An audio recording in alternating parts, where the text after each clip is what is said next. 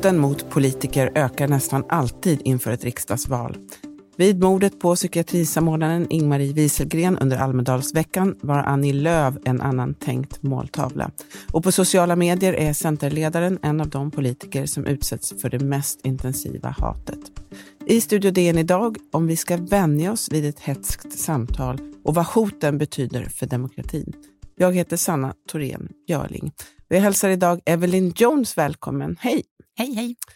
Du är reporter på Dagens Nyheter och har ju bland annat rapporterat om hotbilder mot Annie Lööf och andra politiker. Säkerhetspolisen eh, har ju ansvar för våra folkvaldas säkerhet och av naturliga skäl så säger de kanske inte så jättemycket om, om vad de vet. Men vad har vi fått veta om hur den konkreta hotbilden ser ut mot politiker inför valet i år? Ehm, för bara några dagar sedan så kom eh, Säkerhetspolisen med en rapport om just det här ämnet och då menar de att det, inte för, det finns ingen förhöjd hotbild nu inför valet. Men däremot så varnade de för just ensamagerande, ensamagerande personer som det var i det här fallet i Almedalen. Att, eh, ja, det är de som är det största hotet. Men med det sagt så säger de att det är ingen förhöjd hotbild i alla fall. Mm. En stor del av det här hatet sprids ju på nätet. Och Annie Lööf är en av de politiker som är, är en tydligast måltavla har utsätts för mest. Hur ser det här hatet och eh, stämningen ut mot henne? I allmänhet så är det ju en ganska hård ton på sociala medier från ganska många olika håll. Liksom. Men Annie Lööf, eh, när mina kollegor då har tittat på hur just hon har utsatts, så, så är det både från privatpersoner, det, det är liksom hat, det är hån ganska mycket, Eh, men även hot om våld. Då. Och det kommer som sagt både från individer, alltså mm, folk i chatttrådar eller flashback-trådar och sådär.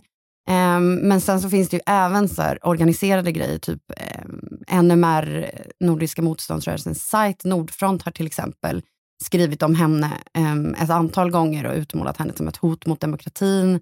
Eh, sagt att hon var personligen ansvarig för terrorrådet på Drottninggatan och liksom haft en väldigt hård ton mot Annie Lööf. Eh, om man kopplar bort från sociala medier så var det ju även 2018 i Almedalen så var det ju hon som blev utsatt när hon höll tal av att NMR liksom försökte störa ut henne under hennes tal där. Eh, men sen finns det ju förutom det så även Sverigedemokraternas webbkanal, eh, Riks, har spridit 150 artiklar om Annie Lööf. Det är mycket mer än någon annan partiledare som de har liksom, eh, gjort grejer om. Eh, och där är det mycket hån framför allt. Eh, men men eh, ja, även där har man kallat henne för ett hot mot demokratin. Eh, man liksom hånskojar om henne som sharia-Annie och är liksom ganska hård i tonen. Vad är det med henne som eh, retar de här människorna, tror du? Enligt en del så är det ju det faktum att hon eh, och eh, Centerpartiet eh, har valt sida, eller att man liksom står upp väldigt mycket mot Sverigedemokraterna och mot rasism och, och den typen av frågor som har fått henne att bli väldigt utsatt för det här. Mm. Det är ju ändå trots allt en bråkdel av alla väljare som rör sig på Flashback och Twitter. Ehm, så mm, om man ska hårdra då, vad spelar det för roll?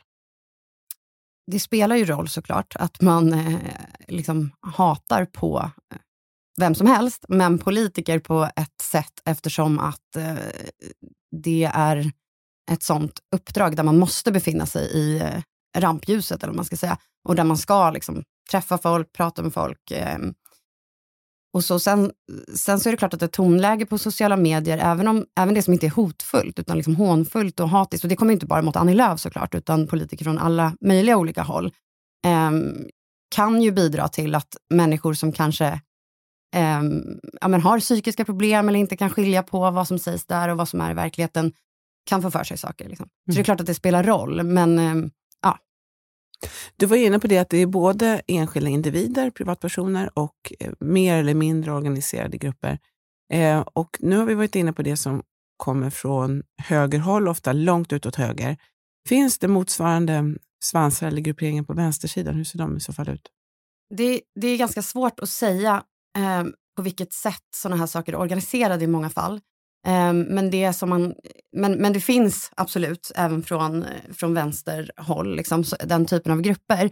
Ehm, men det man kan säga är väl att det finns politiska influerare som ganska lätt kan dra igång sådana här saker utan att kanske behöva säga så mycket själva. Så, så drar de igång sina fans och sina liksom, svansar, som man då brukar kalla dem, för att så här, hetsa på mot olika politiker. Ehm, men det, det, är svårt att säga exakt hur det organiseras, i många fall i alla fall. Mm. Hur värjer sig politikerna mot, mot de här stormarna? Jag tycker att man ser i sociala medier i alla fall att många reagerar när det kommer sådana här saker. Alltså såklart med det här med, med Annie Lööf som var ett så uppenbart, specifikt, konkret hot.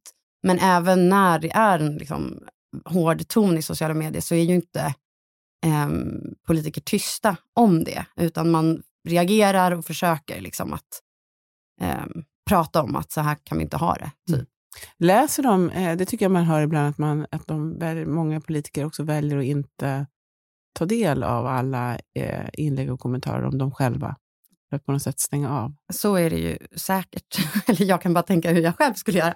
Men, eh, men sen måste man väl läsa ganska mycket eftersom att man måste vara i de här forumen. Mm. Man kan ju liksom inte koppla bort helt. Sen kan man väl strunta i skvallertråden på Flashback om en, liksom, för att det kanske inte är så politiskt relevant. Men att vara och finnas och synas i sociala medier är ju ett, en jättestor del av politikernas uppdrag, mer kanske än det har varit tidigare. Mm. Vad säger forskare som följer det här, till exempel på Brottsförebyggande rådet? Ja, men Brottsförebyggande rådet gör en rapport varje år om hur det ser ut med hat och hot och trakasserier mot eh, folkvalda då, eh, på alla nivåer. Eh, och de, enligt, enligt deras senaste rapport som kom i slutet på förra året, så är det eh, en fjärdedel av alla förtroendevalda i Sverige som upplever att de utsätts för trakasserier. Det är jättemånga, en fjärdedel. Det är jättemånga.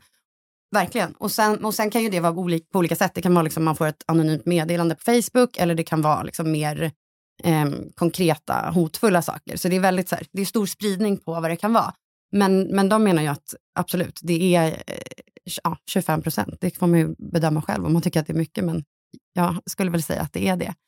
Eh, och de säger då även att eh, det är oftast det, deras rapport utgår ifrån vad politikerna själva uppfattar.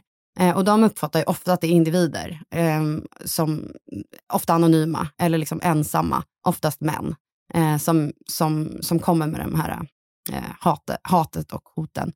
Eh, och att vissa ämnen oftare liksom genererar den typen av hat och hot. Eh, och Det kan vara till exempel rasism eller integration och sådana frågor är tydligen då eh, sådana som politikerna upplever att de blir mer utsatta när de tar i. Eh, enligt, ja, som du var inne på tidigare så är det ju också så att det blir värre under valår. Eh, och det skiftar lite. De tittar också på vilka partier som blir mest utsatta. Tidigare var det Sverigedemokraterna som upplevde sig mest utsatta. I den förra årets rapport var det Miljöpartiet som upplever sig att de blir mest utsatta. Um, ja, så det skiftar lite. Ja, vad det beror på vet man inte, men det beror på vilka frågor säkert som, som finns i debatten, vad man vill uppnå liksom, inför ett val, om det finns en agenda eller liksom, sådär. Mm. Hur gör man för att veta vad som kan bli eh, farligt rent fysiskt? Att vara liksom hånfull och hatisk i sociala medier är ju inte farligt per se. Det är ju hemskt och otrevligt och liksom så. Men det är väl mer vad det kan generera. Det, det med att vissa kan liksom få för sig att det här är verkligheten. Så det är väl, det är väl jättesvårt att bedöma vad som är eh, vad som är farligt på riktigt, men det ska ju vara en god ton. Liksom. Ja. Vi ska ta en liten paus och strax tala mer om vad det här våldet och hotet kan innebära.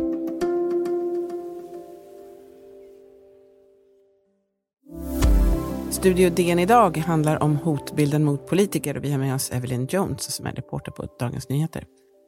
Tidningen ETC publicerade nyligen en granskning som visar att det finns kopplingar mellan Sverigedemokraterna och rena trollfabriker på nätet, där man alltså systematiskt och ofta med falska konton skapar en upprörd eh, eller upphetsad stämning och en väldigt grov ton.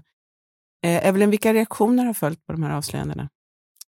Många är upprörda. Um, flera politiker har ju reagerat på att det ser ut så här.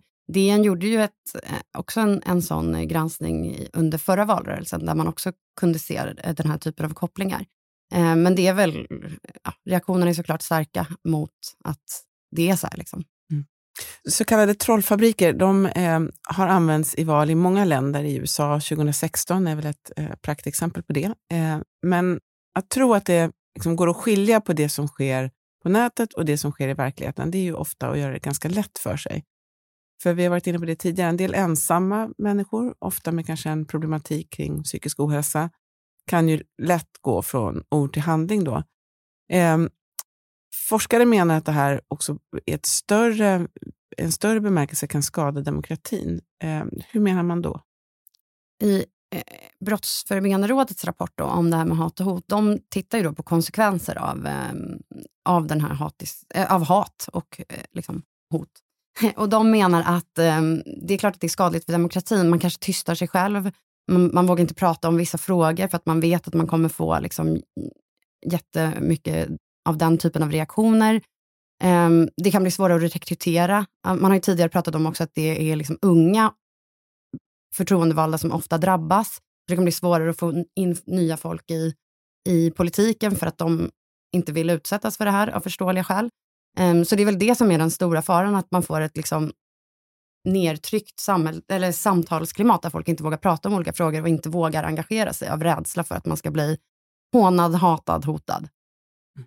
En följd kan ju också bli att, tänker jag, att säkerheten som det här bär med sig, att, att politikerna eh, behöver en annan säkerhetsapparat runt sig, eh, det ger ju också ett ökat avstånd mellan politiker och väljare. Mm. Eh, med färre eh, verkliga samtal och möten, som ju politikerna oftast brukar själva säga att det är det roligaste. Ja, och det har man ju pratat om efter Almedalen. Eh, framförallt att det har ju ändå varit en sån ganska unik plats där liksom politiker kan träffa eh, opinionsbildare, kan träffa allmänheten, kan liksom gå runt och prata och vara med i debatter och sådär. Eh, ganska fritt. Och eh, även om det såklart alltid har funnits en stor säkerhetsapparat kring dem och de har med sig vakter och sådär, toppolitiker, eh, så, så undrar man ju vad kommer hända med det? Kan man liksom ha samma typ av forum. Eh, när nu i det här fallet så har det ju faktiskt hänt ett mord på en sån plats. Liksom. Eh, och det är klart att det, om, man, om man nu vill att det ska vara en bra ton, man vill att människor ska kunna mötas, kanske inte allt ska ske i sociala medier, då är det ju såklart jätteviktigt att man kan vara säker när man då vistas på platser och pratar med väljare. Mm, och du var ju inne på det, det var ju, vi har ju faktiskt ett offer här, Ingmarie Wieselgren, som som blev dödad. Så hur ska man se på risken för att de som inte är egentliga måltavlor eh, drabbas om politikerna blir mer svåråtkomliga? Ja, men, och det är väl precis det som eh, då under Almedalen, att polisen menar ju att de har jättemycket liksom, koll på vad som pågår och sådär. Men i det här fallet så händer det ju någonting. Så det är klart att så här, ja, blir det ett värre eh, klimat och personer vill göra sådana här eh, liksom dåd. Så man kan ju... Polisen eller Säkerhetspolisen vet ju inte vad någon tänker. De gör ju sitt bästa för att veta att när något sånt här kan, ska hända och motverka det. Men ja, det är ju också en uppgift som är svår. Mm. Så att om man då ska titta framåt och se någonting mer positivt, då, hur, eh, vad säger man om hur, hur, kan man motverka både såna här rena trollfabriker och en otrevlig debatt? debatt? Ska man Ska man gå in och ge mothugg eller ska man bara stänga av de här flödena? Alltså det är jättesvårt att säga och särskilt för politiker då, som sagt, som ju vill synas och höras. Det är liksom en stor del av deras jobb, att de ska göra det. De ska gå i debatt. Och, men sen så kan man väl sålla i vad som liksom är faktiskt bara hatiskt. Att man kanske in, inte går in i just de debatterna. Men, men hur, det är väl liksom den stora frågan, är väl hur, hur får man till ett bättre samtalsklimat? Och Särskilt om det då är så att det finns anonyma konton som bara är där för att sprida den här typen av, av hat. Så hur stoppar man det? det? Det är väl ingen som riktigt vet det.